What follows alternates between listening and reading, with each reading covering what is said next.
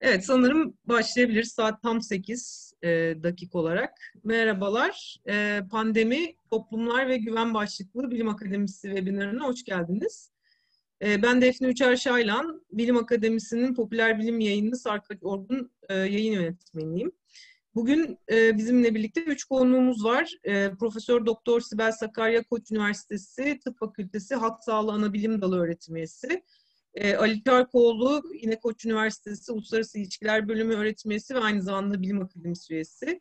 Ve Nebi Sümer, e, Sabancı Üniversitesi Sanat ve Sosyal Bilimler Fakültesi öğretim üyesi ve aynı zamanda Bilim Akademisi üyesi. Hepiniz hoş geldiniz. E, konuşmacılarımıza söz vermeden önce bugün e, konuşulacakları da çok doğrudan bağlantılı olan e, dün gerçekleşen bir gelişmeye değinmek istiyorum. E, dün akşam Sağlık Bakanımız e, Sayın Fahrettin Koca yaptığı basın açıklamasında günlük vaka sayılarını açıkladı biliyorsunuz. E, daha önce açıklanan e, sayılar hasta sayılarıydı ve yine 30 Eylül'de yapılan bir basın açıklamasında bu hasta sayılarına e, testi, COVID testi pozitif olup hafif belirti gösteren veya belirti göstermeyen kişilerin dahil olmadığını belirtmişti. Bakan dünkü konuşmasında şunu birkaç kez vurguladı e, sağlık sistemi açısından önemli olan hasta sayısıdır. E, yine de işte biz tespit edilen bütün e, vakaları takip ediyoruz, temassızlarını izole ediyoruz, e, tedavi ediyoruz, e, hiçbir şekilde aksatmıyoruz bunu. E, ve de burada bunu söyleyelim, sağlık sisteminin bu yöndeki çalışmaları çok önemli ve e, değerli olduğu muhakkak. Fakat salgınla e, mücadelenin birbirine girmiş, içine girmiş birçok alanı var. Ee, bunlardan bir tanesi bilimsel çalışmalar ee, ve bilimsel çalışmalarda verinin ne kadar önemli olduğunu e, bilim insanları salgının başından beri e, sıklıkla dile getiriyor. E, verilerin yaş, cinsiyet, risk grupları kırılımlarıyla, bölge kırılımlarıyla paylaşılmasının önemini vurguluyor. bilim insanlarının salgını ve hastalığı anlayabilmek için bu verilere ihtiyacı var ve erişime açılan her veri şüphesiz farklı birçok alandaki bilimsel çalışmaya e, yol açacak, destek olacak ve hatta karar vericilerin de e, kararlarına ışık tutacak. E, mücadelenin diğer bir alanı da bugünkü webinarımızın aslında e, konusu olan toplumun algısı ve davranışı. Önlemlere uyumun ne kadar önemli olduğunu hepimiz görüyoruz, yaşıyoruz. E, bize söylenenleri anlamamız da aslında mücadeleye güvenmemizde ve önlemlere olması gerektiği gibi e, uymamızda ne rol oynuyor? Bugün biraz bunu konuşacağız. E, ben önce e, Sibel Hoca'ya sözü vermek istiyorum. E, Sibel Hoca çok önemli bir şeyden e, bahsedecek bugün. Sağlık okur yazarlığı. Yani aslında e, söylenenleri e, anlıyor muyuz? Ne kadar anlıyoruz? E, nasıl daha iyi anlayabiliriz? Bundan biraz bahsedeceğiz. Buyurun hocam. Teşekkür ederim Defne Hanım. Ee, ben de herkese e, iyi akşamlar diliyorum. Ee, herkese sevgi ve selamlarımı iletiyorum buradan. Ee, benim e, bölümüm biraz daha böyle e, kavramsal konularla ilgili, sağlık okuryazarlığı gibi başka bir, bir iki konu daha var. Şimdi önce bir sağlık okuryazarlığı meselesiyle başlayalım. Bunu buraya niye getirdik? Çünkü sağlık okuryazarlığı ve korona pandemisi arasındaki ilişki konusunda birçok bu dönemde yapılan yayınlar, yazılan yazılar arasında e, bu ilişki de var. Çünkü sağlık okuryazarlığı meselesi e, pandemi e, başlığı altında birçok açıdan ilişkili ve birçok açıdan önemli. E, o yüzden bu akşamki konuşmaya sağlık okuryazarlığı meselesiyle e, başlamaya karar verdik. Birazcık e, sağlık okuryazarlığının ne olduğundan, neyi kapsadığından ve neden önemli olduğundan ve aslında şu son 10-15 yıldır neden bu kadar fazla bu konuda e, çalışma yapıldığından, yazı yazıldığından da söz etmek istiyorum. E, yani son 30 yıldır aslında e, sağlık gündeminde sağlık okuryazarlığı ve hem araştırıcılar hem de e, yöneticiler e, açısından e, sağlık yöneticileri açısından, karar vericiler açısından sağlık okuryazarlığı ile ilgili büyük bir ilgi var. Sağlık okuryazarlığına yönelik bir ilgi var.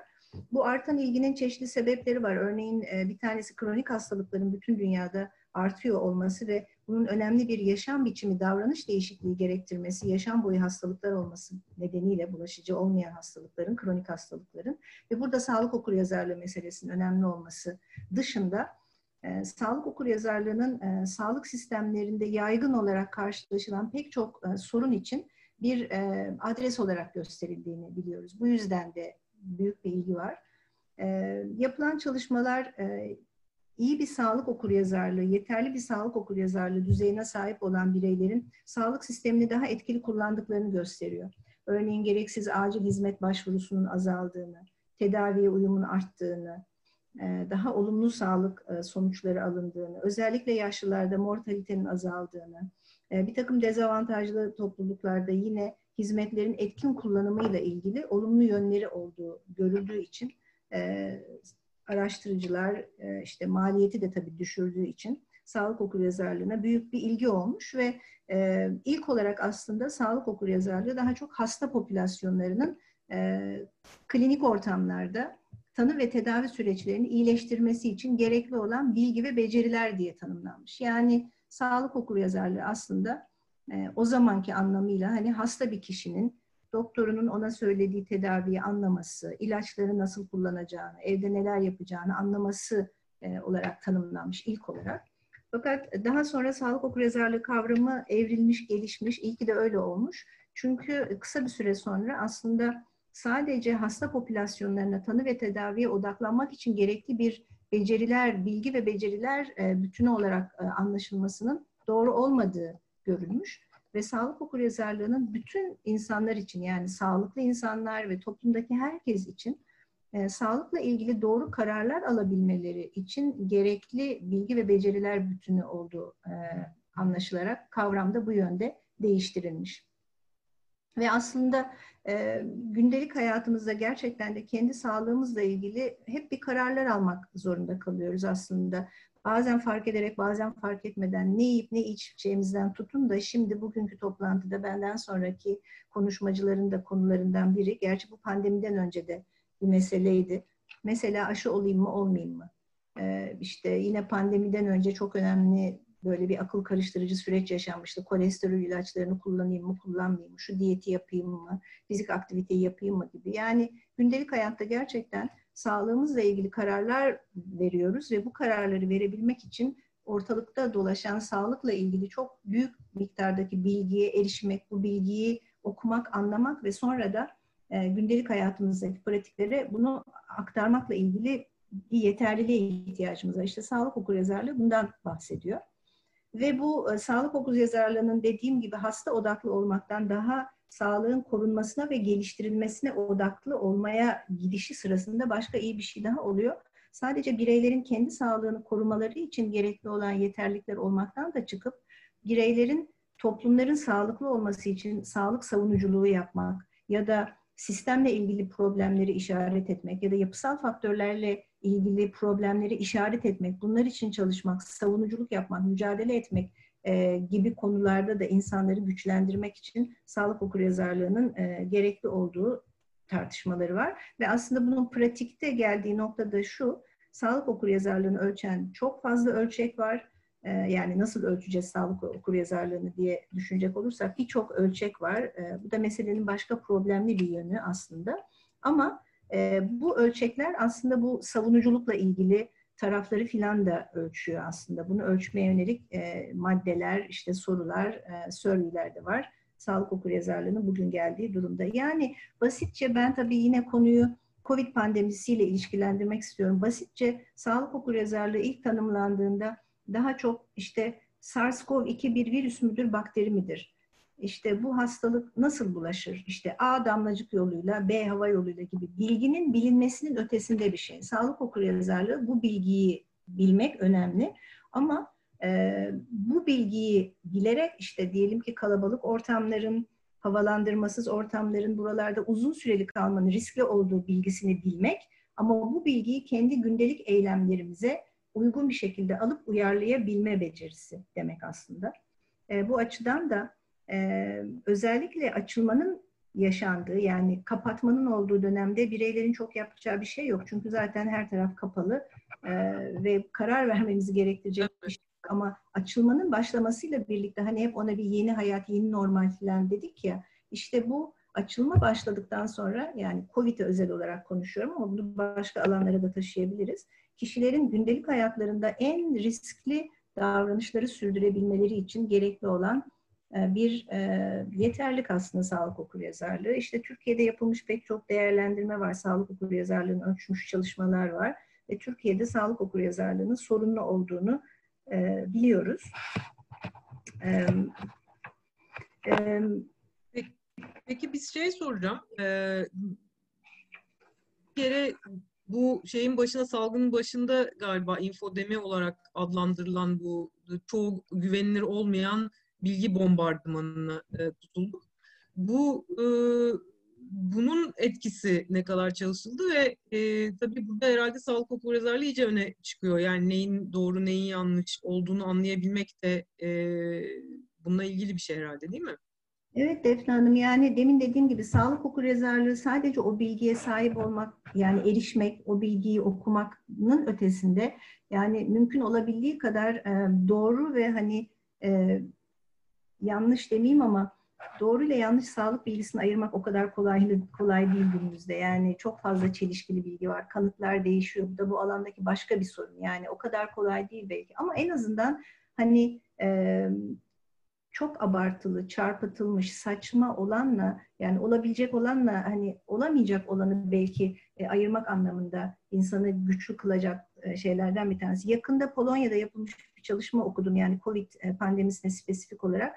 Bu konspirasi teorilere, e, komplo teorilerine inanmayla ilgili e, bir çalışma yapmışlar. Acaba hangi faktörler insanları bu teorilere inanma konusunda daha riskli kılıyor? Yani bunu riskli demekle bir sakınca görmüyorum.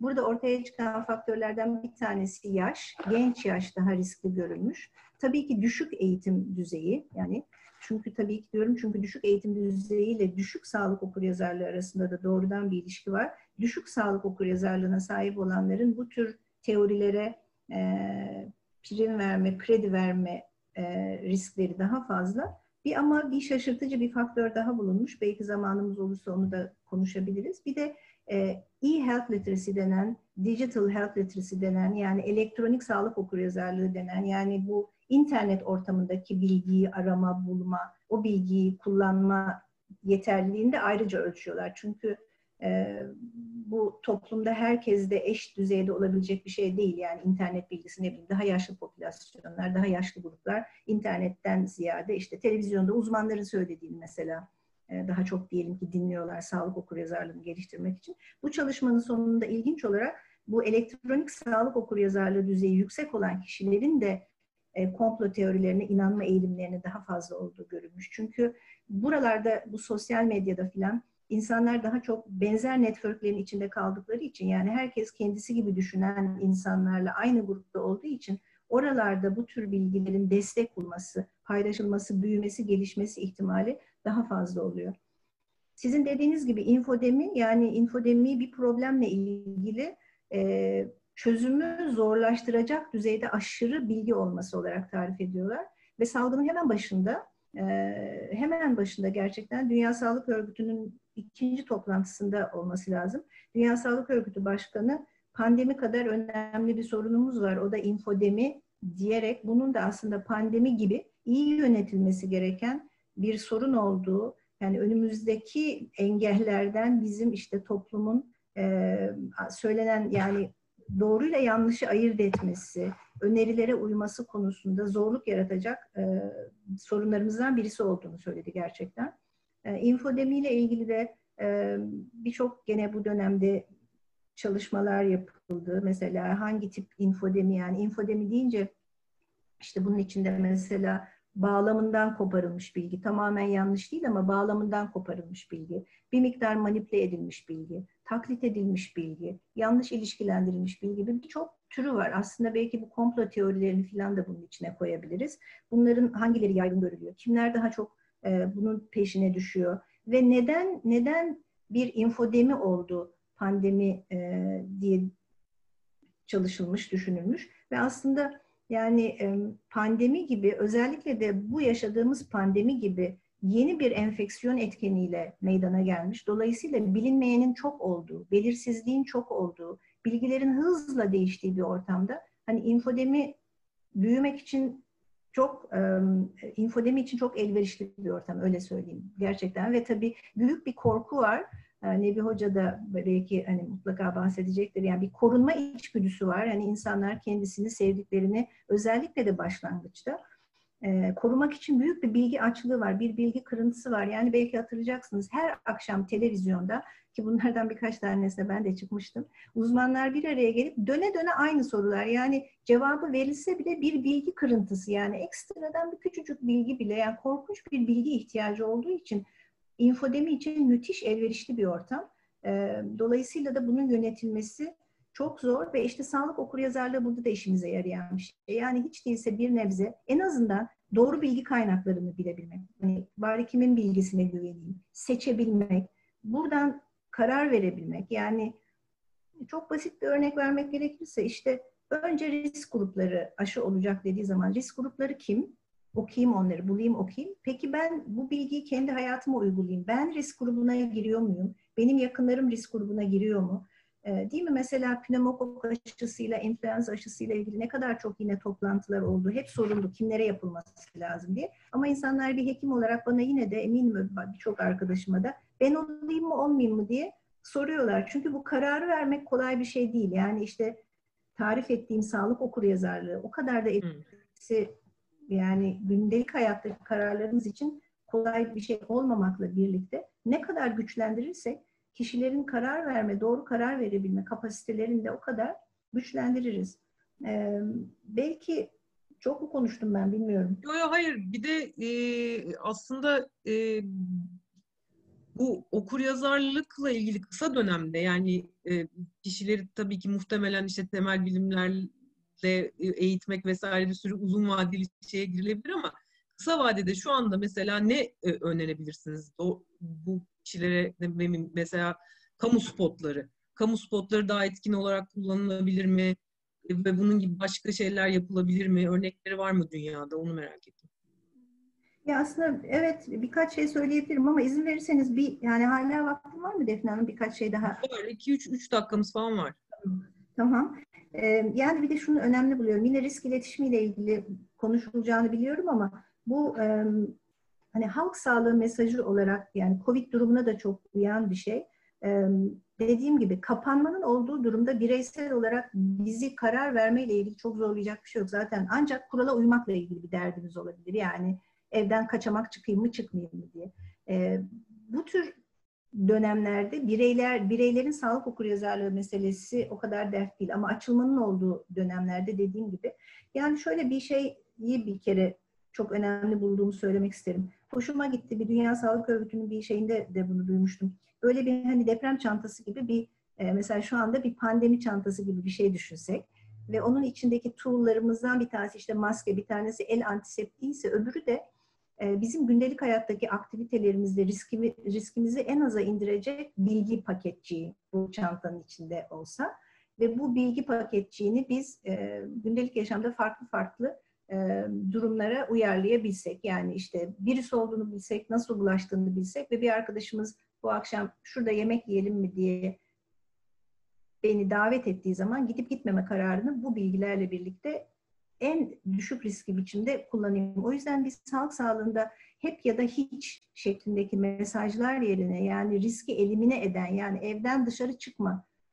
ya da olabildiğince gitme, yapma şeklindeki mesajlar yerine uzun dönemde daha etkili olan düşük riskli yaşam biçimlerini destekleyen e, mesajları insan yani başka türlü sürdürülebilir değil yani öneri olarak söyleyeceğim şeylerden bir tanesi bu olabilir. Yani umarım doğru anlatabilmişimdir. Bu e, bir gereksiz bir güven ve rahatlık anlamında değil. Yani e, sürdürülemeyecek kısıtlamalar yerine insanların gündelik yaşamlarında düşük riskli davranışların neler olduğunu e, öğrenebileceği bilgiler üretmek, doğru bilgi kaynaklarını mümkünse çoğaltmak ve hani e, insanların doğru bilgi kaynaklarına doğru yönlendirebilmek önemli. Bir başka benim öneriler listesinde önemli bulduğum şeylerden bir tanesi belirsizliğe saygı duymak bana çok çok önemli geliyor bu dönemde. E, çünkü başlangıçtan beri belirsizlik, birçok belirsizlik var. Yani bilmediğimiz birçok şey var başa başlangıca göre biraz daha iyi biliyoruz. Ama hala bilmediğimiz birçok şey var. uzmanlar olarak e, bize sorulduğu zaman e, örneğin bunun bilinmediğini, hala bu konunun e, tam olarak bilinmediğini, açık olmadığını, net olmadığını söylemek yani e, mutlak bir e, keskinlikte konuşmamak, belirsizliğin olduğu durumlarda ve bunu toplumla böyle paylaşmayı da çok önemli buluyorum. Yani çünkü insanlar bunun henüz bilinmediğini de bilebilmeliler. Yani bunu bir zorluk olduğunu muhtemelen düşünüp bütün belirsizlik meselelerini olabildiğince belirlilik kalıbına sokmaya çalışmak e, gibi. E, bir başka hani e, infodemi için şeyi sordunuz, e, öneriler. Yine önerilerden bir tanesi kötü bilgilerin peşine düşüp onları vakumlamak yerine boşlukları doğru bilgiyle doldurmak çok önemli. Çünkü tutum ve davranış değiştirmeye mesele gelince o kötü bilginin peşine düşüp onun yanlış olduğuyla ilgili e, çaba sarf edip bütün okları oraya yöneltmek yerine dediğim gibi biz doğru bilgiyle boşluklara e, müdahale etmemiz önemli. Hmm, ve e, tabii ki sağlık okuryazarlığını geliştirmek için temel eğitimin iyileştirilmesi, e, bütün eğitim müfredatının içine sağlık konularının doğru düzgün konulması, tıp eğitimi, e, yani sağlık sistemindeki sorunlar çok çok önemli. Yani sağlık sistemi insanların sağlık okuryazarlığını geliştirebilmesi için en önemli e, alanlardan bir tanesi mesela bir insanın bir hekime gittiği an çünkü ihtiyacı var. Tam da orası aslında. Ama orada da yer yok, zaman yok. Çünkü bir performans baskısı var. Deli gibi hasta bakmak zorundasınız. Sistemin problemleri çok önemli. Tabii son olarak bir de şunu söylemek istiyorum. Benim çok hani önem verdiğim bir şey. Sağlık okuryazarlığı kötü kullanıma da çok açık bir kavram.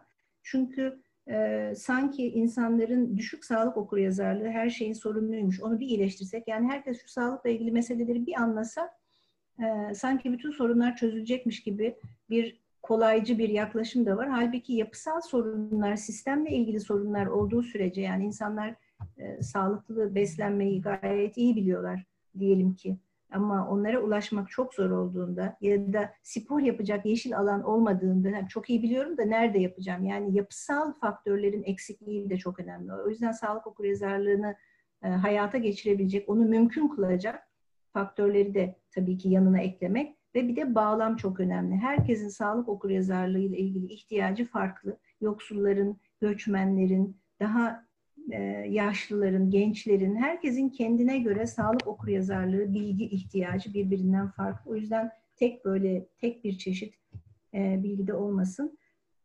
Ben burada keseyim. E, belki fırsat olursa biraz bu güven ve güvensizlik ve sayılar konusunda da sonra ya da soru olursa. Tabii. Oraya sonra bence e, dönelim mutlaka örneklerle.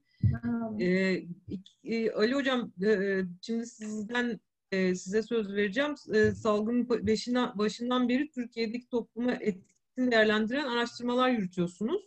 E, bugün de bunları biraz özetleyeceksiniz galiba. E, sizi dinliyoruz. E, teşekkür ederim. Ben de burada bulunmaktan çok mutluyum.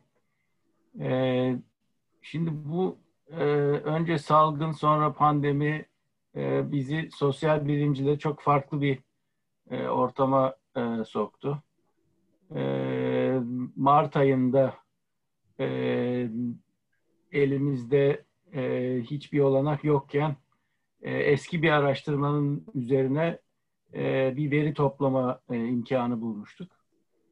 E, sadece İstanbul için. E, dolayısıyla Türkiye değil ama İstanbul'daki eğilimleri e, ne olduğu konusunda elimizde biraz ipuçları vardı. Sarkaç'ta da bunu e, yayınladık biliyorsunuz. E, fakat daha sonra TÜBİTAK e, bir çağrı yaptı ve biz buraya e, Koç Üniversitesi'nden Lemi Baru, Zeynep Cemal e, Rigiller e, e, ile başvurduk. E, bize e, Singapur ve Duke Üniversitesi'nden Ozan Kuru ve Kerem Yıldırım da e, katıldı. E, şimdi e, bu araştırmada yapmaya çalıştığımız şey e, aslında zaman içerisinde beş ayrı e, sefer Türkiye'yi temsil edebileceğini düşündüğümüz fakat orada e, çok da emin olamıyoruz. E, bir e, internet paneli üzerinden e, sorgulama yapmaya çalışıyoruz. Ana amacımız e, medyadan gelen bilgilerin davranışları ve tutumları nasıl değiştirdiğini takip etmek zaman içerisinde. E, bu amaçla e, birkaç tane ilginç e, soru e, bu akşam için e, çıkarmaya çalıştım. E, bunların bir tanesi e, önlem alma eğilimini neler belirliyor? Kimler önlem alma eğilimindeler? Ne tür önlemler ne derece alınıyor? E, bu önemli bir konu çünkü örneğin İstanbul e, örneklemiyle baktığımızda e, aslında Nisan sonuna doğru e, pek de öyle e, basında söylendiği gibi e, insanların önlemleri alma eğiliminde olmadıklarını görebiliyorduk. Zaten daha önceki araştırmalarımızdan da bildiğimiz şey e, bu sosyal sermayenin e, düşük olduğu, e, kural tanımazlığın yaygın olduğu ortamlarda e, bu tür böyle hadi arkadaşlar, vatandaşlar e, maske takın, iyidir bu maske takmak diyerek e, bunların yaygın bir kullanıma sahip e, olacaklarını beklemiyorduk zaten. Sadece hani maske takmanın ötesinde de yapılması gereken çok şey var. Dolayısıyla bu önemli bir konu. Yani ne derece insanlar önlemlere e, uyma eğilimindeler.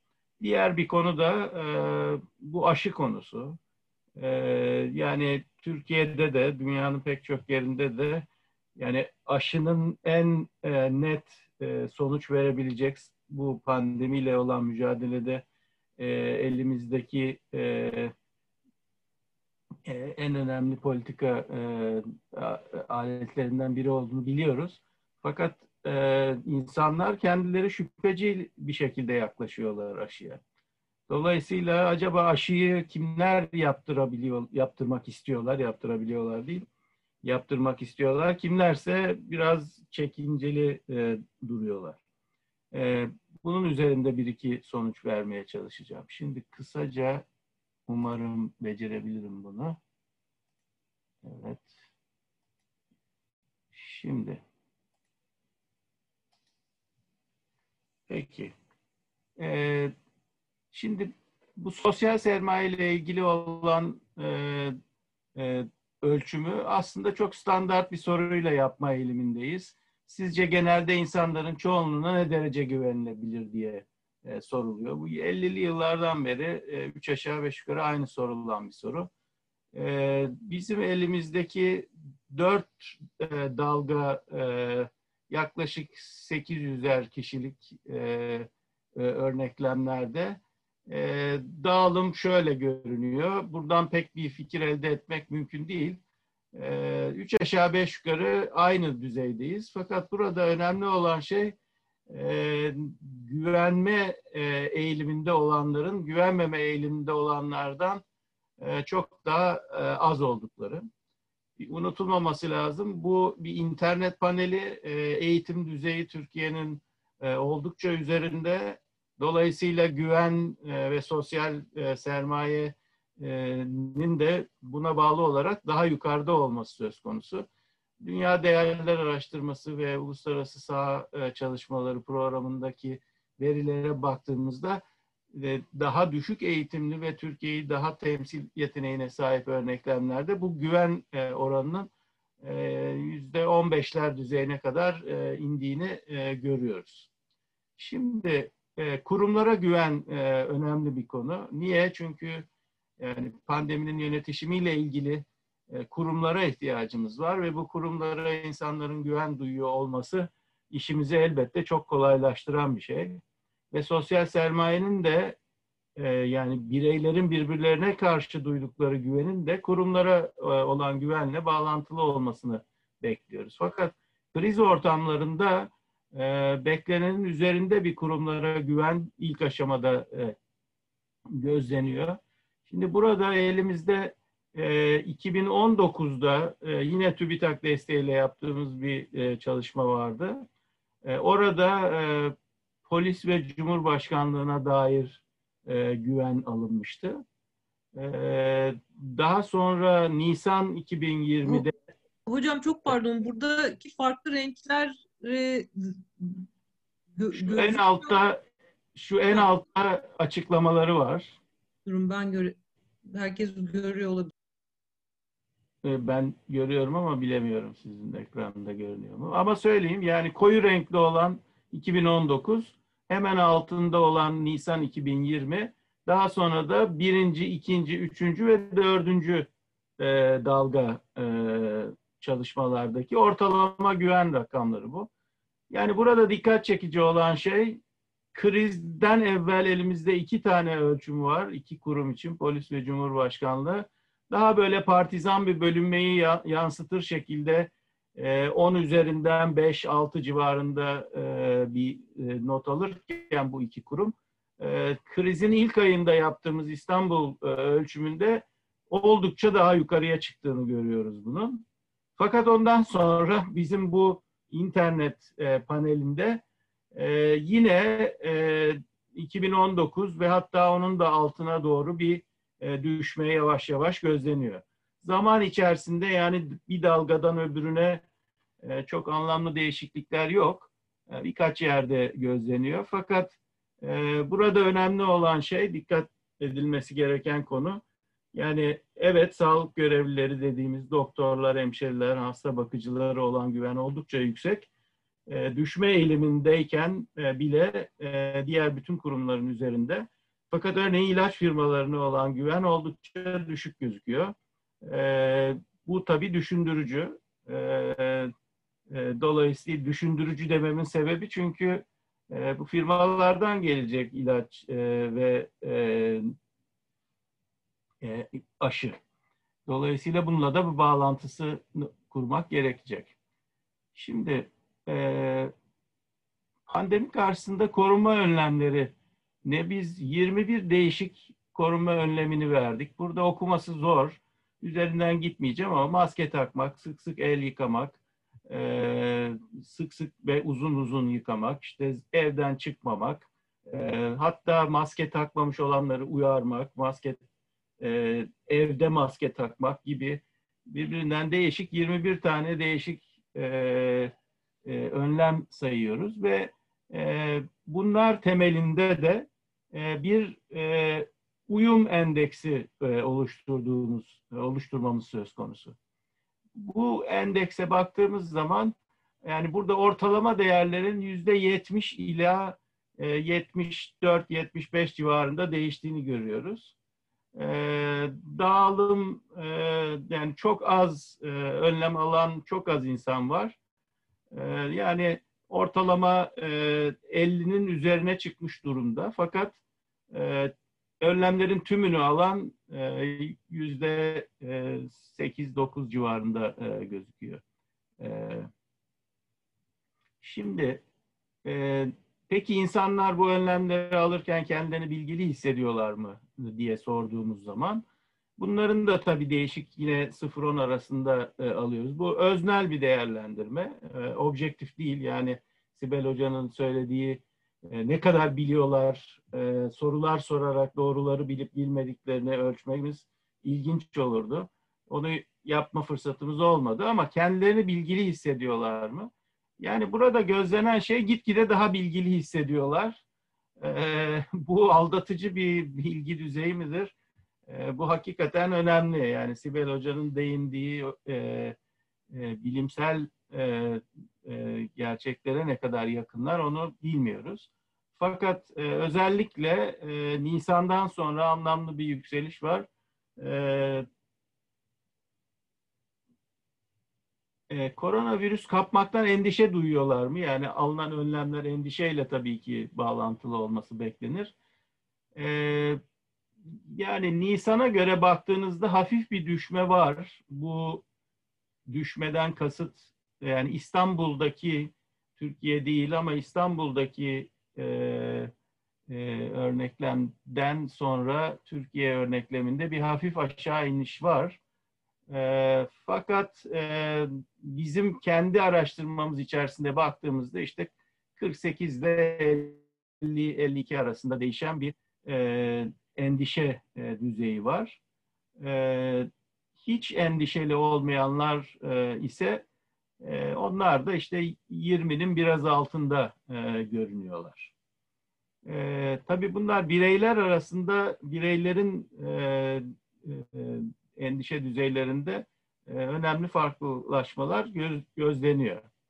Şimdi e, hanede yaşayan diğer kişilerin e, e, virüsü kapmasından ne derece duyuluyor? Kendisinden fazla aslında insanlar başkaları için, hanede yaşayan aile üyeleri için e, endişelenme eğilimindeler. E, fakat bunda da zaman içerisinde önemli bir değişiklik e, açıkçası gözükmüyor. E, peki e, ihtimal hesabı olarak koronavirüs kapma ihtimalini nasıl değerlendiriyor insanlar? Yani burada e, dikkat çekici olan yüksek olarak değerlendirenlerde hafif bir yükselme gözleniyor. E, fakat e, e, açıkçası e, orta seviye e, gibi bir e, cevap alıyoruz burada. E, yani e, risk değerlendirmesi benim kanaatim insanlar için çok daha zor. E, hem bilgi hem belirsizlik yani bilgi düzeylerinin de ne kadar olduğunu e, çok iyi bilmiyoruz. E, hem de belirsizlik burada gerçekten çok fazla. E, öyle olunca bu e, virüsü kapma ihtimalinin değerlendirilmesi, risk değerlendirmesi oldukça daha zor gözüküyor. Şimdi elimizdeki o gösterdiğim önlem alma e, skalasını bağımlı değişken olarak aldığımızda hangi faktörler bunu en iyi anlatıyor, en iyi açıklıyor? Burada da koyu olanlar e, ilk e, e, dalgadaki e, sonuçlar. E, ilk dalga da yani 26 Ağustos'la 11 Eylül arasındaydı. Daha sonra en sonuncusu da 19 Kasım'da bitmiş olan bir e, dördüncü dalga var elimizde. E, şimdi burada görünen şey e, yani benim için burada sadece anlamlı olan e, değişkenleri verdim. E, yani ihtimal açıkçası ihtimal arttıkça önlem alma eğiliminden kaçış gözüküyor burada. E, yani benim için ilginç bir e, sonuç bu. Yani insanlar ne kadar yüksek ihtimalle bulaşacağını düşünürlerse o kadar daha az önlem alıyorlarmış gibi gözüküyor. Ee, sağlığının kendi yaptıklarına bağlı olduğunu düşünmek burada çok önemli. Ee, yani bunu düşünen insanlar daha fazla e, önlem alma eğiliminde oluyorlar. Ee, şansa bağlı e, olduğunu düşünenler de e, keza e, bir tek birinci dalgada anlamlı görünüyorlar. Geri kalan dalgalarda bir anlam e, gözükmüyor. E, medya kullanımı burada önemli. Yani ne kadar çok medya kullanıyorsa insanlar o kadar çok önlem alma e, eğiliminde oluyorlar. E, yani daha henüz şunu bilmiyoruz. Medyada nasıl bir içerik gördükleri zaman önlem alma e, e, eğilimleri artıyor onu bilmiyoruz. Ama en azından bize söyledikleri kadarıyla medyayı daha fazla kullandıklarında daha fazla önlem alıyorlar.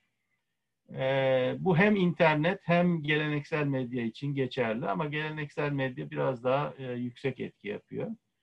E, öznel bilgisi e, kendince kendini bilgili gören e, insanların gitgide daha yüksek oranda önlem aldıklarını görüyoruz.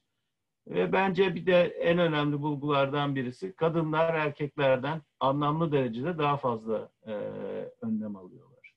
Yani burada çok önemli bir e, cinsiyet, e, toplumsal cinsiyet farkı e, gözleniyor. Fakat yaş örneğin e, beklentilerimizin te tersine o kadar da önemli bir belirleyici değil burada. E, ihtimal negatif etki yaparken endişenin pozitif etki yapması e, gerçekten bence düşündürücü. Yani insanlar ne kadar çok endişelenilir, endişelenirlerse o kadar daha fazla önlem alıyor. Yani siyasa yapıcıların insanları sanki et, biraz daha endişelendirseler de daha fazla e, önlem alsalar dedirtecek gibi bir sonuç elde ediyoruz burada.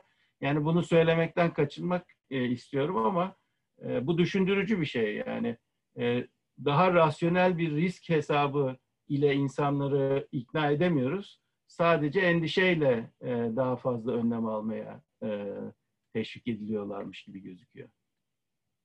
Şimdi aşıya dair tutumları da kısaca e, vereyim.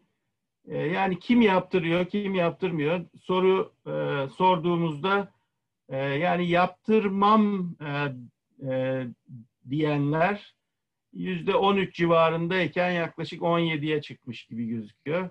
Zaman içerisinde dördüncü dalgada biraz artış var. E, yaptırırım diyenlerde de bir e, e, azalma gözlüyor, gözlüyoruz zaman içerisinde. Tabii bu ne kadar genellenebilir e, tartışabiliriz. E, e, biz bir de tabii e, hangi ülkenin aşısı gelse e, bunu yaptırırsınız diye sorduk. Ülkeleri sıraladık. Burada verdiğim e, ülkelerin tümü Almanya, Amerika Birleşik Devletleri, Çin, Hindistan, İngiltere, Rusya. E, bunların her birisi için evet diyebiliyorlar. Yani buradaki e, yüzde toplamları yüzün oldukça üstüne çıkıyor. E, ama açık ara e, Alman e, aşısını yaptırmayı istiyor insanlar. E, Amerika Birleşik Devletleri ile e, İngiltere e, ise onun arkasından geliyor. Yine açık ara bir farkla. E, bu ne kadar e, anlamlı bir şey göreceğiz ama Türkiye'de şu anda gündemde olan bu üç ülkeden değil sanki dördüncü, beşinci ülkelerden aşı gelecek gibi gözüküyor. Bu demek ki halkın ikna edilmesi gerektiği gibi bir düşünce yaratıyor bende. E, neden peki yaptırmayacaksınız diye de sorduk yaptırmayacağını söyleyenlere. E, ağırlıklı olarak yan etkisinden korkuyor insanlar. E, ondan sonra da e, ilaç firmalarının komplosu var. Yine Sibel Hanım bahsetti bu e, conspiracy e, e, teorilerine inanma eğilimi. E, yani burada da açıkçası bu en önemli ikinci faktör görünüyor. Diğerleri e, oldukça daha e, geriden geliyorlar.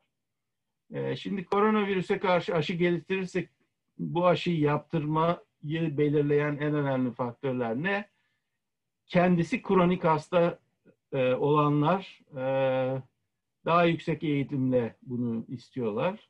Ama açıkçası bu sadece birinci dalgada gözlediğimiz bir şey. 2, 3 ve 4'te bunu gözlemiyoruz. Yani buradaki e, aşı e, şeyinde e, sorusunda bir evvelki sorudan çok daha az e, bar var dikkat ederseniz. Bu da yani açıklayıcı değişkenler çok daha az demek. E, bu da düşündürücü bir şey. Yani önemli bir karar verilecek. Yani insanları zorla aşı yaptırmanın e, ben kolay olacağını düşünmüyorum. İnsanların kendilerinin bunu istemeleri lazım ama kimler, hangi sahiplerle bunu istiyorlar bunu bilmekte zorlanıyoruz açıkçası. Burada en önemli bulgu sosyal sermayenin hep e, her e, dalgada e, pozitif bir etki yapmasıdır. E, ve bu etkinin de gitgide arttığını görüyoruz. Yani birbirlerine güvenme eğiliminde olan insanlar, genelde insanların güvenilir e, olduğunu düşünme eğiliminde olanların aşıyı da yaptırma eğiliminde olduklarını görüyoruz. Şimdi bu iyi tarafından bakarsanız ne güzel sosyal sermayemiz e, ile bu e, aşı e, sorununa bir çare getirebiliriz denilebilir ama Türkiye'de genelde sosyal sermaye oldukça düşük. Buna güvenirsek buradan çok fazla bir etki yaratmamız pek mümkün değil gibi görünüyor. Bir de düşündürücü olan şey eğitim arttıkça e, aşı olma e, e, eğilimi artmıyor, azalıyor.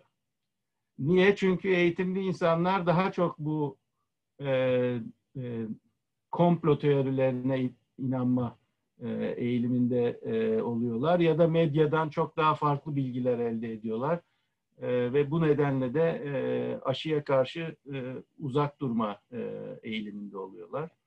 E, bunları değerlendirmemiz lazım. E, ama kısaca e, bu.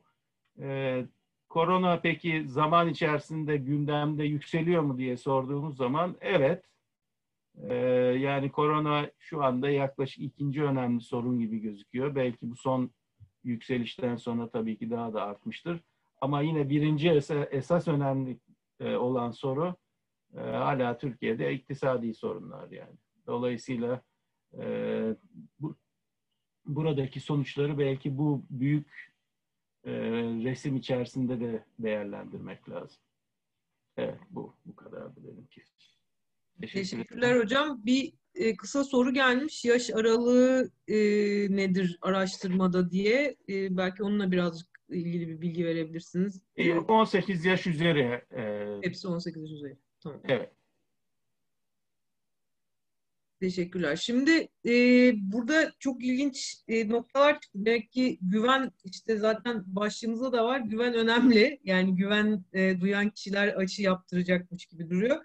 Yani burada ben yine diğer e, Sibel Hoca'ya da döneceğim ama önce Nebi Hoca'ya e, bir e, e, söz vereceğim ve e, bunu bir değerlendirmesini rica edeceğim ondan.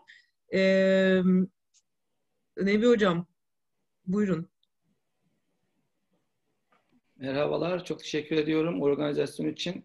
Ee, ben de herkesi, bütün dinleyicileri, katılımcıları en iyi dileklerimle selamlıyorum.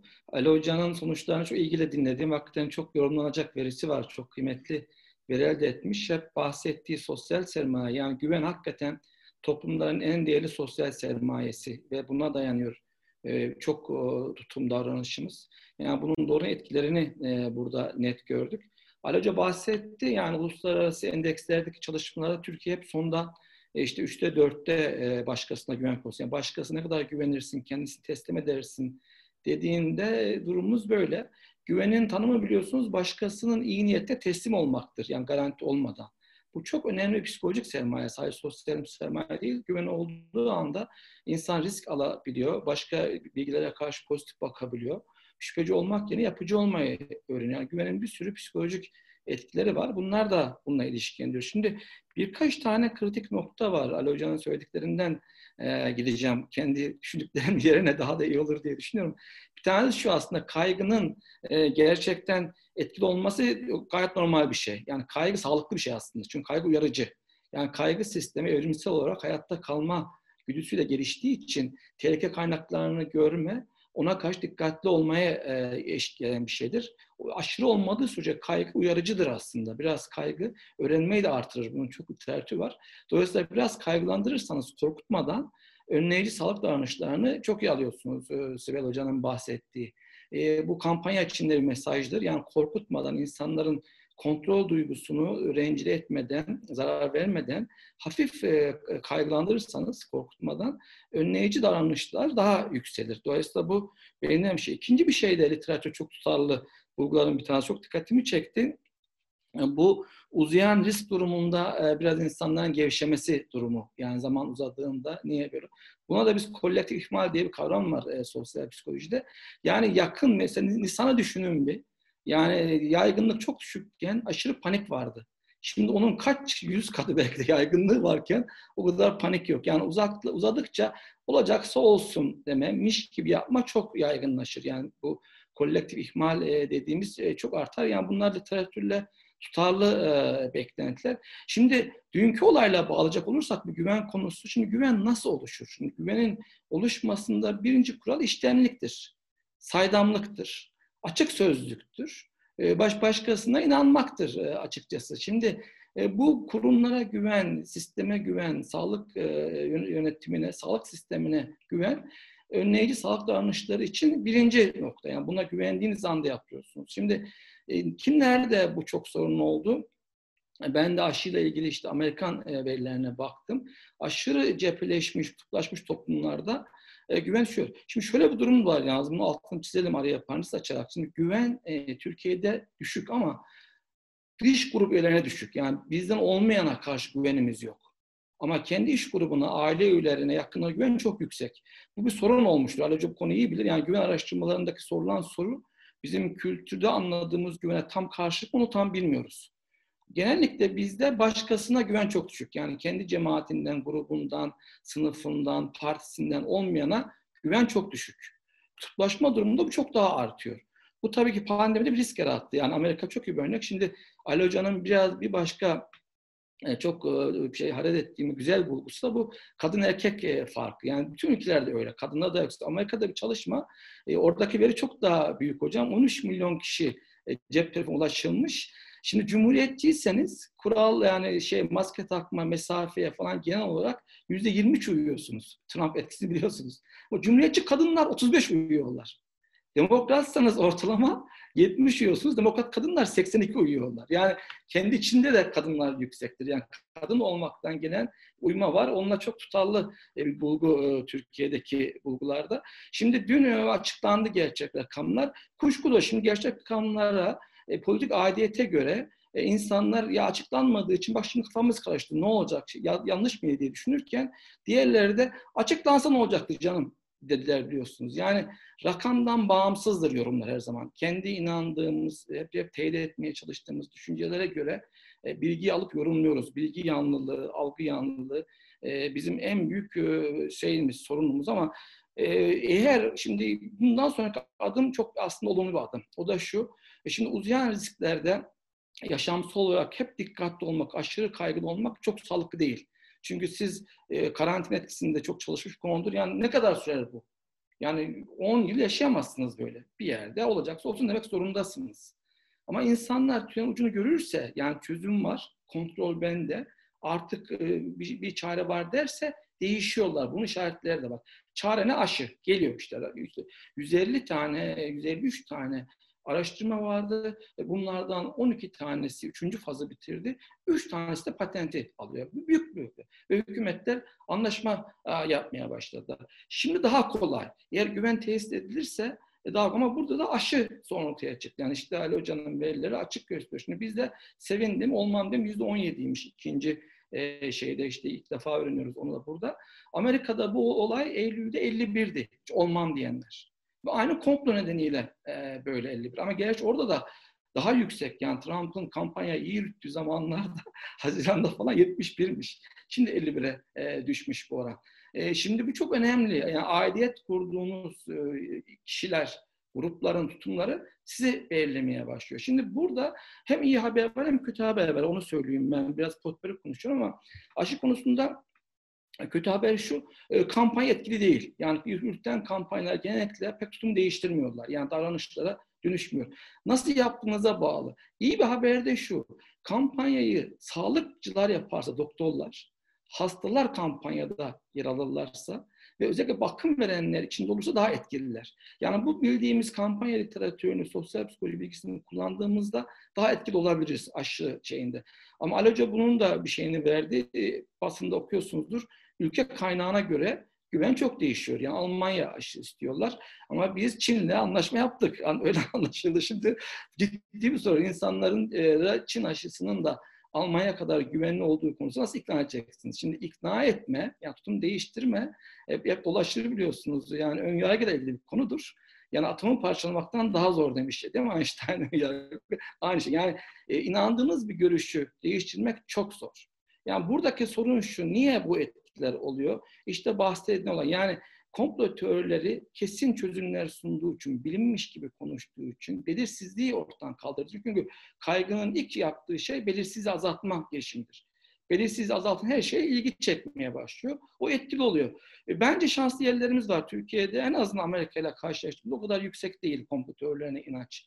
E, Türkiye'de. E, belli alanlar var. Türkiye'de sağlık davranışları konusunda e, büyük kutuplaşma pek yok. Muhalefet iktidar arasında daha kapsayıcı vardı. Ali verisinde şimdi gördüm çok da e, mesela Nisan ayında e, hükümete diyagnoz daha yüksek. Yani kaygı çok yüksekken zaten bunu politikacıda değerlendirirler, yani kullanırlar bir anlamda. İnsanlar sığınacak yani sistemi, statikoyu destekleme kaygı durumunda çok yükselir. İnsanlar yani beni korumak için önlemler alıyor sistem. Ben de onlara uyuyayım, denen yapayım diyor ve hakikaten Nisan'da görüyorsunuz yükselmiş düşmeye başlıyor. İşte bu rakamı doğru vermeme, saydam olmama, ondan sonra kapılarda soru işareti bırakma, e, bu güveni yıkan unsurlar. Zaten zayıf olan sermayemizi zayıflattığımızda insanları ikna etmemiz daha zorlaşacak. Ve inanın bunun politik bir yönü yok. Yani bu sosyal sermaye hakkında, herkes içinde e, olduğu bir sermaye. Yani böyle bir risk e, yaratıldı. E, güven yaratmak için mikro e, düzeyde çalışmalarla devam etmek e, lazım. Çünkü etkisi belirgin. Bir faktör yine literatür Talalaco'dan gördüm. Hani onu yoruma dönüştürüm ama e, o, da, o da şu. Hakikaten orada göründüğü gibi zaten Haziran ayından sonra korona kaygısı yerini daha çok ikincil kaygılara bıraktı uzadığında. Yani ekonomik kaygı, iş güvencesizliği kaygısı, yakınların başına gelen kaygı. Bu da anlaşılır bir şey yani buraya bırakması. Dolayısıyla insanlar bu durumda da kolektif ihmale giriyorlar. Yani artık benim başka derdim var. Yani esnafın e, hakikaten dükkan açması ciddi bir sorun. Burada yaratıcı çözümlerle devam edebildik mi? Bu konuda dünya da çok başarılı ama biz de çok başarılı değiliz. O da şu yani gerçekten bana göre yani şahsi fikrim budur. Kapatma doğru bir çözüm değil her durumda. Herkes konuşuyor doğru yani yaptığınızda ama etkili olmuyor. Ama yeni işte bir yayın yapı e, çıktı. Daha hafta önce, günlerdir onu dağıtıp konuşuyoruz insanlarla. 220 e, dünya bölgesinden, ülkesinden 47 bin tane gözlem yapmış meta analizi e, sonucunda kombinasyonlara bakılmış. Yani hangi kombinasyonda alındığında önlem en güçlü. Ekonomik kapatma tek başına etkili ama uzun vade etkili değil. Çünkü çok yapamıyorsunuz. Yani karantina etkisi iki hafta yapacaksınız en fazla. Çok yapamazsınız zaten bunu. Ama diğer kombinasyonu mesela birinci sırada 80 puanlık ağırlıkta olan küçük grup buluşmaları lokanta Bu çok geç kaldı Türkiye. Yani hep biliniyordu lokantalar uzun kalıyor. Akdeniz kültürüyüz biz yakın konuşuyoruz. Yolda yolda yolda maskeyi takıyor. Lokanta bu işte arka çıkarıyor. Asıl orada takacaksın sen dışarı takmayacaksın. Bunu herkes yapıyordu. Ve bu riski aldık biz. Ne zamana kadar? Ne zamana kadar? Kasım'ın 16'sına kadar. O yüzden tren çok belliydi. Sarkaç sağ olsun işte e, Erol Hoca da bunu diyor. Rakamlar belliydi Ekim'in başında. Göründü değil mi? Yani yükselişlerin olduğu. Tam rakam de biliyorduk. Yani o zaman alınacak önlemin Kasım ertelenmesi de yaygınlığı çok artırdı e, şeyde. Yani bu kombinasyonlara işte okul kapatma önce olması gerekiyordu. Amerika'da biliyoruz bu yapıldı. Çoğu okul e, özellikle Cumhuriyetçi valisi olan eyaletlerde açtılar. İlk hafta sonra kapattılar. Çünkü yaygın yani asoptomatik case'lerin işte vakaların eve gelmesi buradan oluyordu. Yani bu bütün riskleri görüp ekonomiyi kapatmadan yani ikinci riskleri, kaygıları dikkat alarak ki haklıdır onlar. Yani insanlar Türkiye'de bir de bunları Ali Hoca belki daha iyi bilir. Yani kayıt dışı ekonomi günlük geriyle yaşayan çok insan var. Yani insanlara herkes yararlanamıyor kısa dönem ödeneğinden falan. Yani insanlara bunu muhtaç. Kapatamazsınız pat diye. Yani o simitçinin o şeyin bir geliri var. Bunu da düşünerek, kültürü düşünerek en iyi kombinasyon nedir'e bir cevap vermesi gerekiyordu yönetimin. Bu konuda başarısı oldu. Yani genel çizgiyi izledik. E, ondan sonra e, tekrar e, çizgi değiştirdik. Yani biraz atlayarak, zıplayarak geliyorum ama bunların hepsi düşünüldüğünde daha başarılı olurdu. Yani bilim akademisi burada çok iyi bir iş yaptı aslında. Biliyorsunuz şöyle bir konu vardı. Şimdi bu aşı karşıtlığı bir dert oldu. Ve bu şimdi başlamadı biliyorsunuz. 2000'lerden itibaren Gerek eğitim kesimlerde yine, Türkiye'de işte kitap yazanlar bile oldular. Aşı karşıtlığı başladı. Bunun üzerine ortadan kalkmış hastalıklar gündeme geldi. 25 bin çocuk öldü. Ee, bunun üzerine Bilim Akademisi bir rapor yayınladı biliyorsunuz aşı kampanyası ile ilgili. Şimdi o raporu tekrar okumak lazım. Şimdi aynı olay. Yani yine komplo teorileri, aşı karşıtlığı gündemde ee, ve bu sefer iş daha karışık. Yani Aloca gösterdi. İlaç şirketlerine güven dikte ülkeler arasında güven çok farklı. Aşı karşıtlığı kültürü zaten e, yerleşik. E, çok bilinmeyeli bir şey var. Burada ne yaparız? İşte burada ince ince düşürüp etkili kampanya, inandırma nasıl olur? Hiçbir zaman emirli olmaz. Kesinlikle e, bu işte sağlık davranışlarında anlatıldığı gibi insanlara kendi direksiyonunda olduğu, kontrolünün kendinde olduğu, kendi kararını verdiği bir sisteme gitmemiz gerekiyor. Bunun yolunu hazırlamak gerekiyor. Buna uygun bilgilendirme, buna uygun e, güçlendirilmiş e, kampanya yaparak e, bu, bu yapılabilir. Yani bunlar için ortak çalışmalar yapmak lazım. Yani benim şimdi aklıma gelenler bunlar. İsterseniz birkaç tane bu psikolojik etkileriyle ilişkin birkaç şey vardı. Zaman varsa onlarla bir dakika konuşayım. Olur da... hocam ona ona geri dönelim bence çünkü o biraz daha şey bir konu. Bu arada e, e, Sibel Hoca'ya bir daha bir e, e, bir şey sormak istiyorum. E, bence Nevi Hoca'nın geldiği yerde bu ya hep ya hiç e, sizin bahsettiğiniz e, kavrama dönüyoruz aslında. Tam kapanma olduğunda her şey kolay. Hepimiz evlere e, kapanıyoruz ama normalleşme döneminde nasıl kararlar vereceğiz? Bu kararları e, nasıl vereceğiz? Bunları iyi veren, bu bu e, şeyi iyi yapan ülkeler yani stratejiyi doğru belirlemiş, uygulamış ülkelerden örnek e, var mı? E, program öncesinde e, bahsettiğiniz gibi dünyada. Teşekkürler. Yani bu aslında ya hep ya hiç derken dediğim gibi riski bir önlemler hiyerarşisi vardır aslında. Yani önlemler önlemler hiyerarşisinin en tepesinde en etkili olan ama yapılması en zor olan riskin eliminasyonu. Yani COVID örneğine uyarlayacak olursak evinize kendinizi kapatıp hiç kimseyle görüşmezseniz eğer böyle sürdürebilirseniz en risksiz durum budur. Ama bunun uzun dönemde olması mümkün olmadığı için önerilen şey insanların düşük riskli yaşam biçimlerini geliştirmek üzere onları güçlendirmeye çalışmak. Ee, yani bu açıdan da tabii ülkeler arasında çok büyük farklılıklar olmuştu. Salgının başında ben hatırlıyorum. Yani Türkiye'de başında demeyeyim, Türkiye'de yavaş yavaş şehirlere e, açık havada maske takma zorunluluğu geldi. Hatırlayacaksınız. Şehir şehir ilerledi bu. Hatta İstanbul en sonralardan bir tanesi oldu. E, Temmuz aylarında filan olması lazım. E, ama mesela o dönemlerde Avrupa'da ben hatırlıyorum bazı arkadaşlarımla haberleştiğimde sokakta maske takma, açık havada maske takma gibi bir zorunluluk yani yasa olarak bir zorunluluk yoktu ve insanlara e, işte otobüse binerken bakın eğer kalabalıksa maskenizi takın e, diye hani insanların kendi riskini değerlendirmesine bırakan bir şey vardı. Mesela bu bizim için olur mu? Bu bize ne kadar uygun? E, aslında bunlar da çok bana önemli geliyor. Acaba böyle bir yaklaşım toplumu daha mı mutlu ederdi? Yoksa böyle bir şeyi yapmak mümkün değil miydi? Aslında buradan devam edecek olursam sadece bu önlemler açısından değil, örneğin sayıların açıklanması açısından da diyelim ki başlangıçtan itibaren biz hep yani birçok bu işle uğraşan kişiler olarak sayıların işte yaşa, cinsiyete, bölgelere göre, illere göre açıklanmasını istedik. Yani salgının gidişatını anlayabilmek, değerlendirebilmek, bilimsel çalışma yapabilmek için.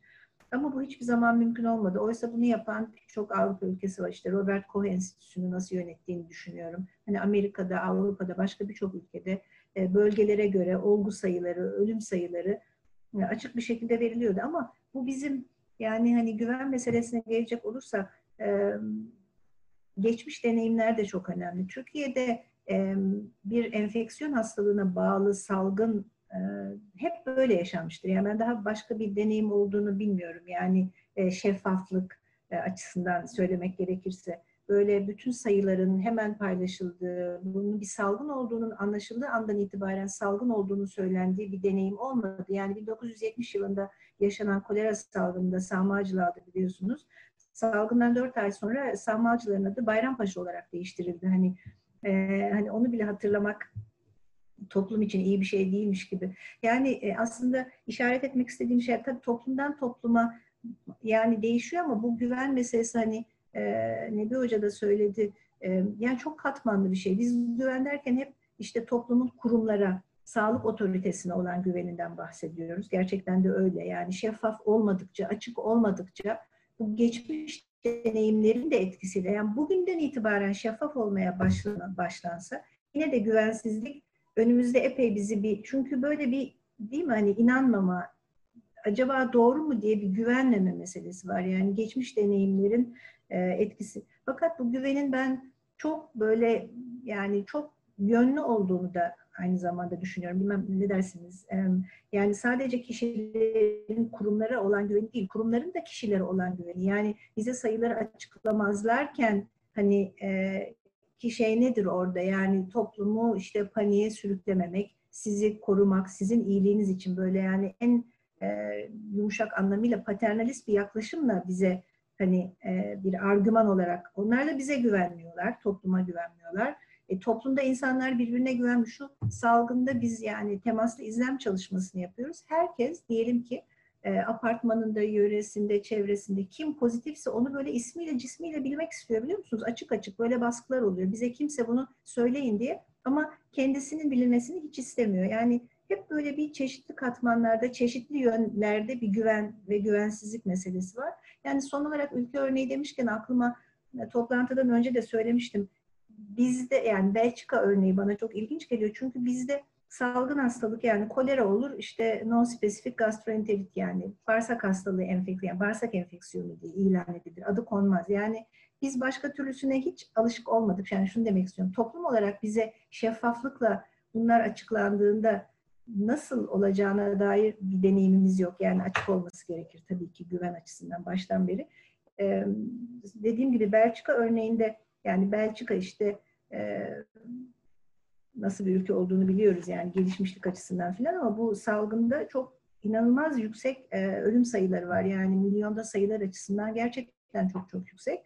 Ve bunu tartışırken hükümet sözcüsü kendisi bir virolog televizyona çıkıp halka şunu söyleyebiliyor. Çünkü diyor bizim e, politik motivasyonla değil halk sağlığı biliminin motivasyonuyla hareket ediyoruz. Ve biz e, Belçika'daki ölümlerin yüzde 53'ü e, bakım evlerinde meydana gelmiş. Hani bu bakım evlerinde ölen insanların sadece yüzde 16'sına COVID testi yapılıp pozitif olduğu anlaşılmış. Yani geriye kal onları COVID ölümü diye kaydettikleri gibi geriye kalan test yapılmamış bütün şüpheli ölümleri de COVID ölümü diye kaydettikleri için bu kadar yüksek bir sayı var. Bunu çıkıp topluma bu şekilde söyleyebiliyor. Çünkü biz halk sağlığı biliminin yeri, gereğini yerine getiriyoruz. Şu, bunların böyle olma olasılığı çok yüksek olduğu için bunları da COVID ölümü sayıyoruz. Yani bana ilginç gelen oradan başbakanın çıkıp ama belki biraz over reporting yapıyor olabilir miyiz acaba? Çünkü belki bunların hepsi COVID ölümü değildir demesinin üstüne hükümet sözcüsünü tekrar atlayıp hayır ben hatta hala biraz daha az saydığımızı da tahmin ediyorum. Yani toplum önünde yürüyen şu tartışmanın bizdeki yani bizde olabileceğini düşündüm.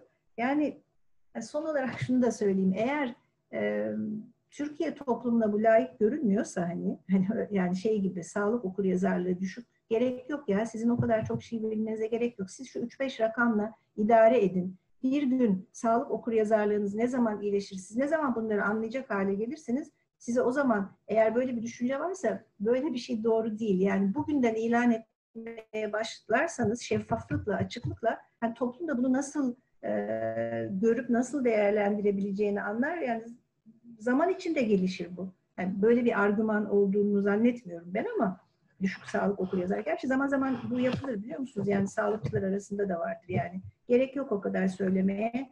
Nasılsa anlam, anlaşılmayacaktır. Hani şu kadar 3-5 bilgi ya siz gerisiyle dert etmeyin. Şunu alın idare edin. Yani gerçekten e, şeffaflık, açıklık olmadıktan sonra yani bugün başlasanız bunu tesis etmeniz bilmiyorum kaç yıl sürer. E, yani bütün bu Mart ayından bu yana şu sayıların işte illere göre, yaşa göre, insanların yaptığı mesleğe göre açıklanmasını istedik. Olmadı. Sonra vakadan hastaya geçtik. Şimdi hastadan tekrar vakaya geçtik. Yani bunun ne kadar güvensizliği tetikleyen bir şey olduğunu yani artık gerçekten e, çok hiç iyi olmadı yani bu anlamda. E, bir de son olarak e, Ali Hoca'nın vakalarıyla ilgili şey, bulgularıyla ilgili şeyi söylemek istedim. Bilmem Ali Hocam katılır mısınız? Güvenle hmm. ilgili değil ama virüs kapma ihtimali daha fazla olanların daha az önlem aldığıyla ilgili bir şey vardı. Bu böyle ikili bir ilişki diye ondandır mı acaba, ondan olabilir mi diye düşündüm. Yani aslında daha az önlem aldığı için kendisi daha fazla virüs kapma ihtimali olacağını düşünüyor olabilir mi diye düşündüm.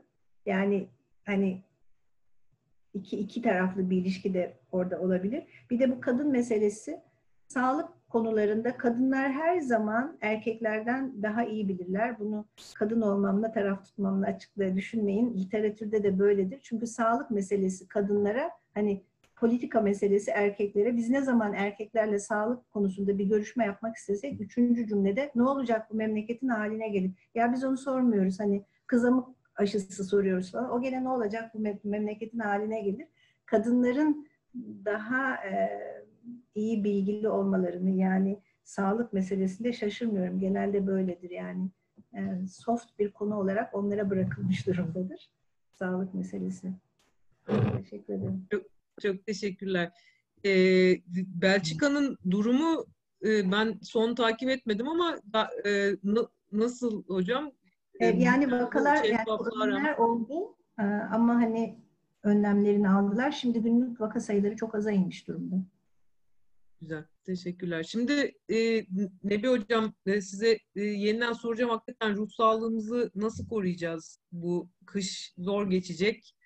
E, biraz da ondan bahsedin lütfen. Psikolojik etkileri vesaire.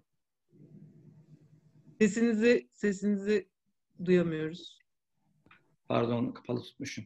Ee, bir önceki konuyla ilgili bu yani önleyici sağlık davranışlarında e, biz algılanan riskle gerçek risk arasındaki farkı çok konuşuruz. E, bu her şey için geçerli. İşte bütün güvenlik davranışları için geçerli.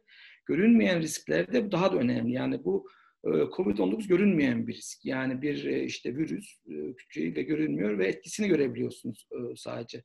Bu durumlarda insanların gerçekten e, daha görünür kılmak gerekiyor riski. Bu nedenle bu sayılar çok önemliydi. Yani ne kadar yaygın olduğu prevalansını gerçekten tam tam bildiğimizde e, görünmeyen riski daha görünür yapıyorsunuz ve gerçek tehlikeyle riskle algılanan arasındaki boşluğu kapatmaya başlıyorsunuz. Eğer algılanan risk, kişinin tek algıladığı risk gerçek riskine yakınsa önleyici davranışlar çok yüksek. Uzaksa çok uzak oluyor. Yani bunun Belçika'nın böyle bir avantajı var. Yani hatta abartarak da e, gerçek riski gösterdiğinde önleyici davranışlar daha kolay olmaya başlıyor. İkna daha kolay insanları.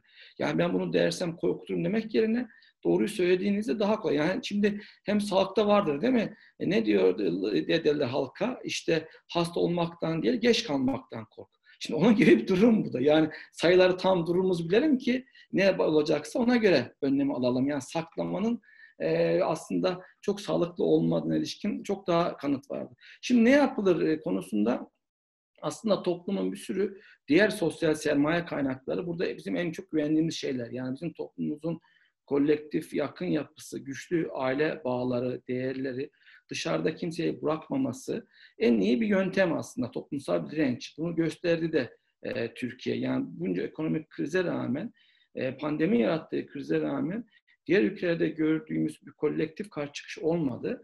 Bu da sosyal destek sisteminin çok güçlü olmasından gelen bir şey. Yani sosyal destek sisteminin sermayesini e, Türkiye çok yararını gördü, yedi e, diyelim bir anlamda burada. Bir yapacağımız bu aslında yani dayanışmayı artırmak. Araştırmalar da bunu gösteriyor. Yani insanlar kolektif gruplar halinde karaları alıp başkalarına ortak davranırsa daha etkili oluyorlar. Şimdi diğer davranış hem bunun iki yönü var. Şimdi başkaları uymazsa yani ben niye uyuyorum bu sefer? Yani bakıyorum kimse maske takmıyor.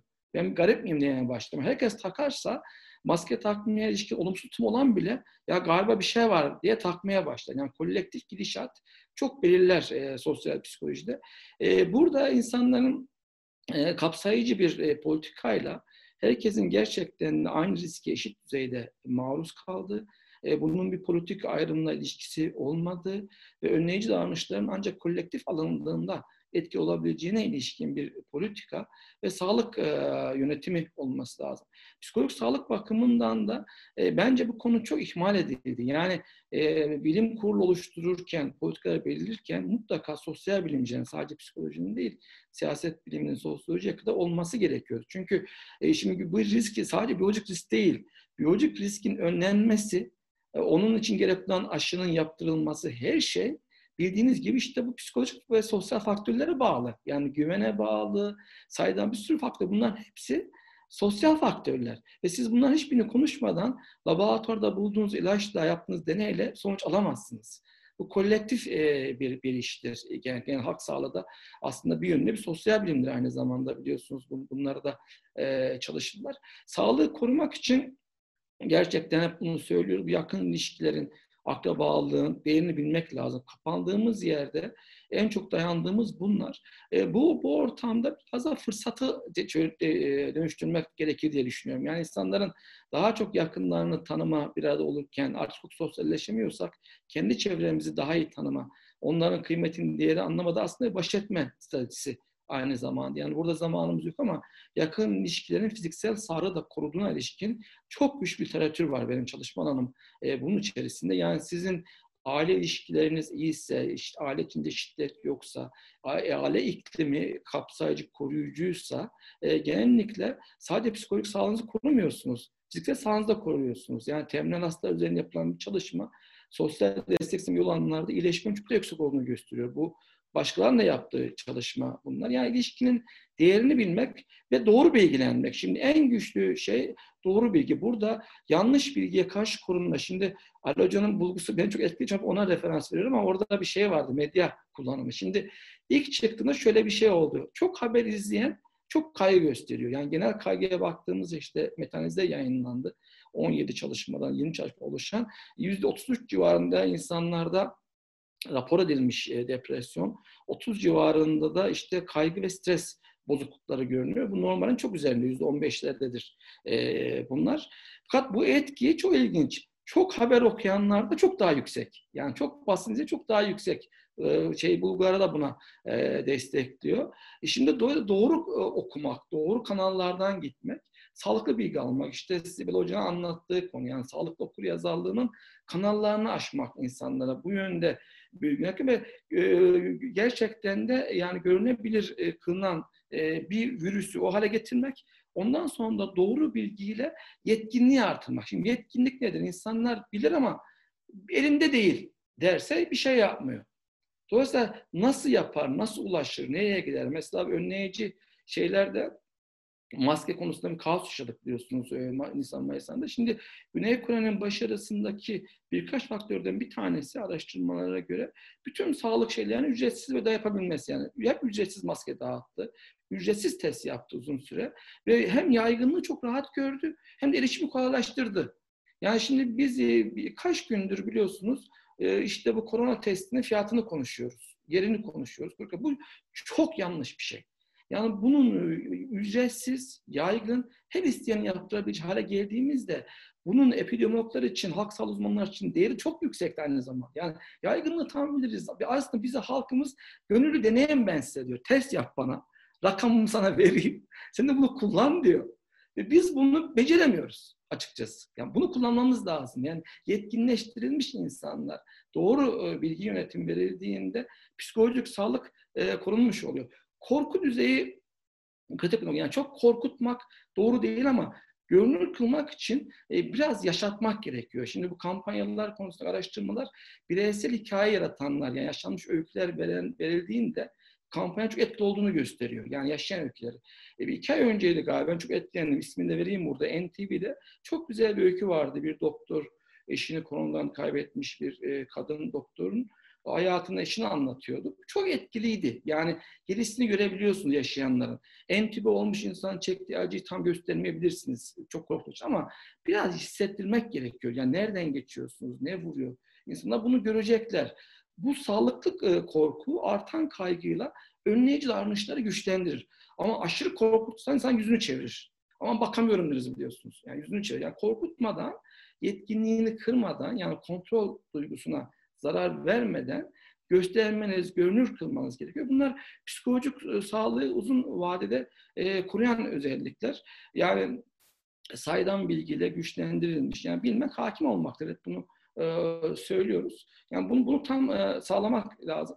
E, bu tür şeylerin, e, faaliyetlerin daha fazla belki halk, halka yakın yapılması gerekiyor. Yani sadece akademi dünyasında değil de başka ortamlarda e, çok olumlu etkileri de oldu biliyorsunuz. Bu online eğitime geçtik. İşte e, bu tür e, sanal buluşmaları öğrendik. Buluşma platformları daha iyi kullanılabilirdi bunun için. Yani mesela düzenli olarak e, korona ile ilgili bilgi kaynaklarının nereden alınacağı çok iyi verilebilirdi. E, bunlar yansıtılabilirdi insanlara.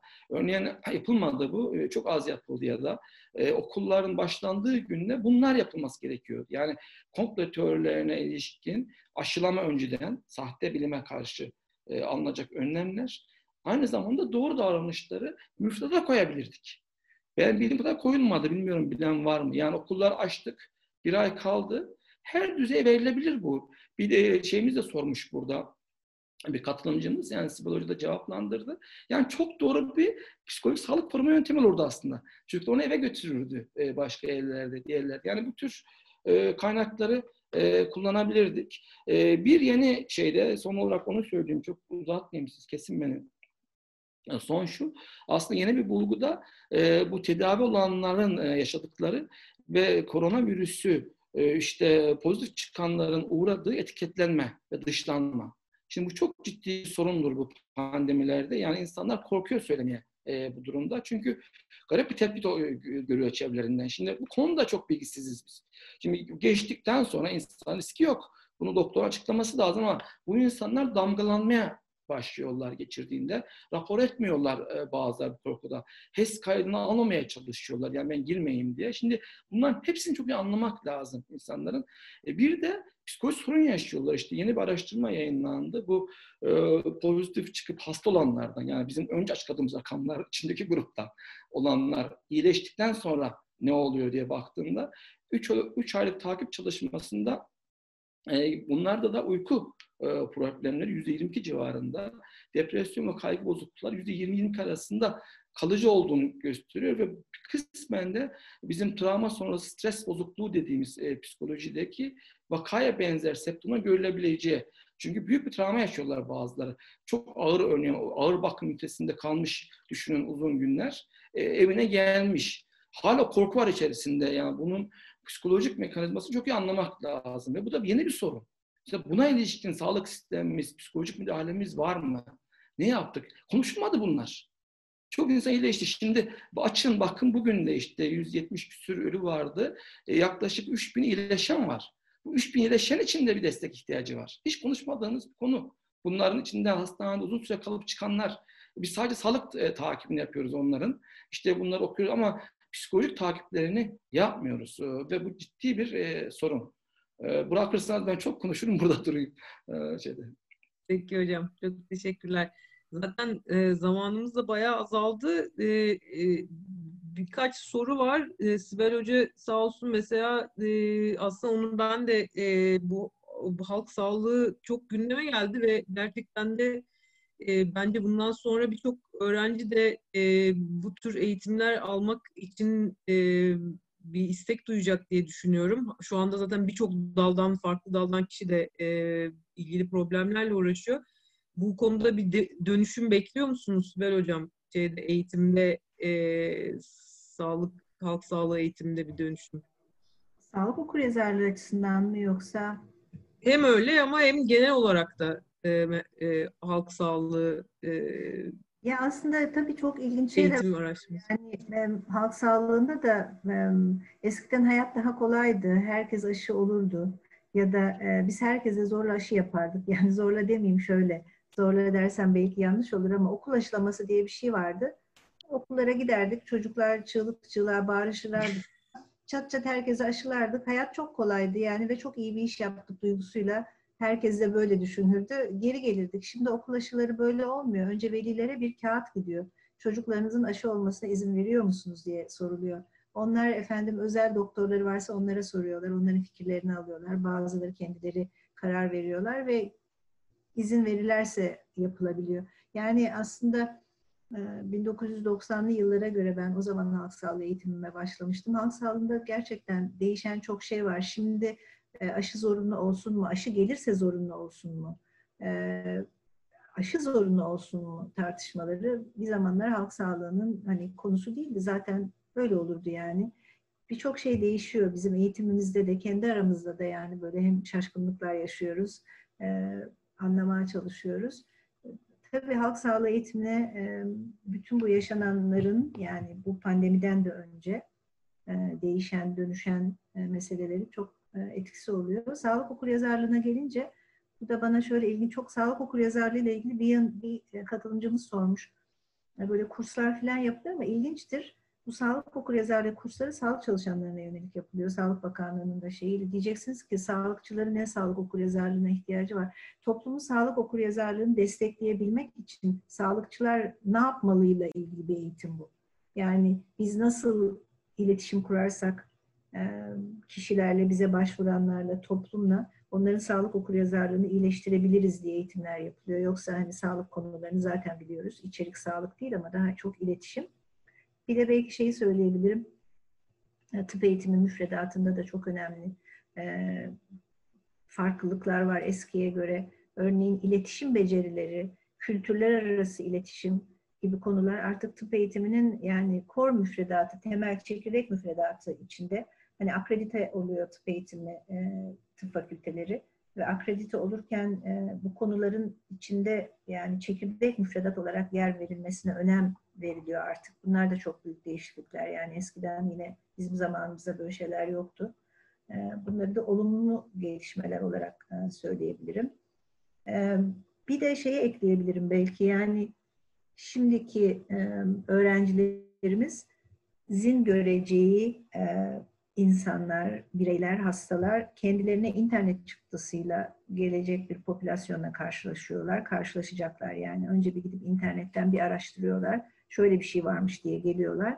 Bu yine yeni dönemde bir, bir zorluk olarak düşünülebilir. Ama Ali Hoca'nın gösterdiği sonuçlarda da vardı. Hala sağlıkçılara büyük bir güven var.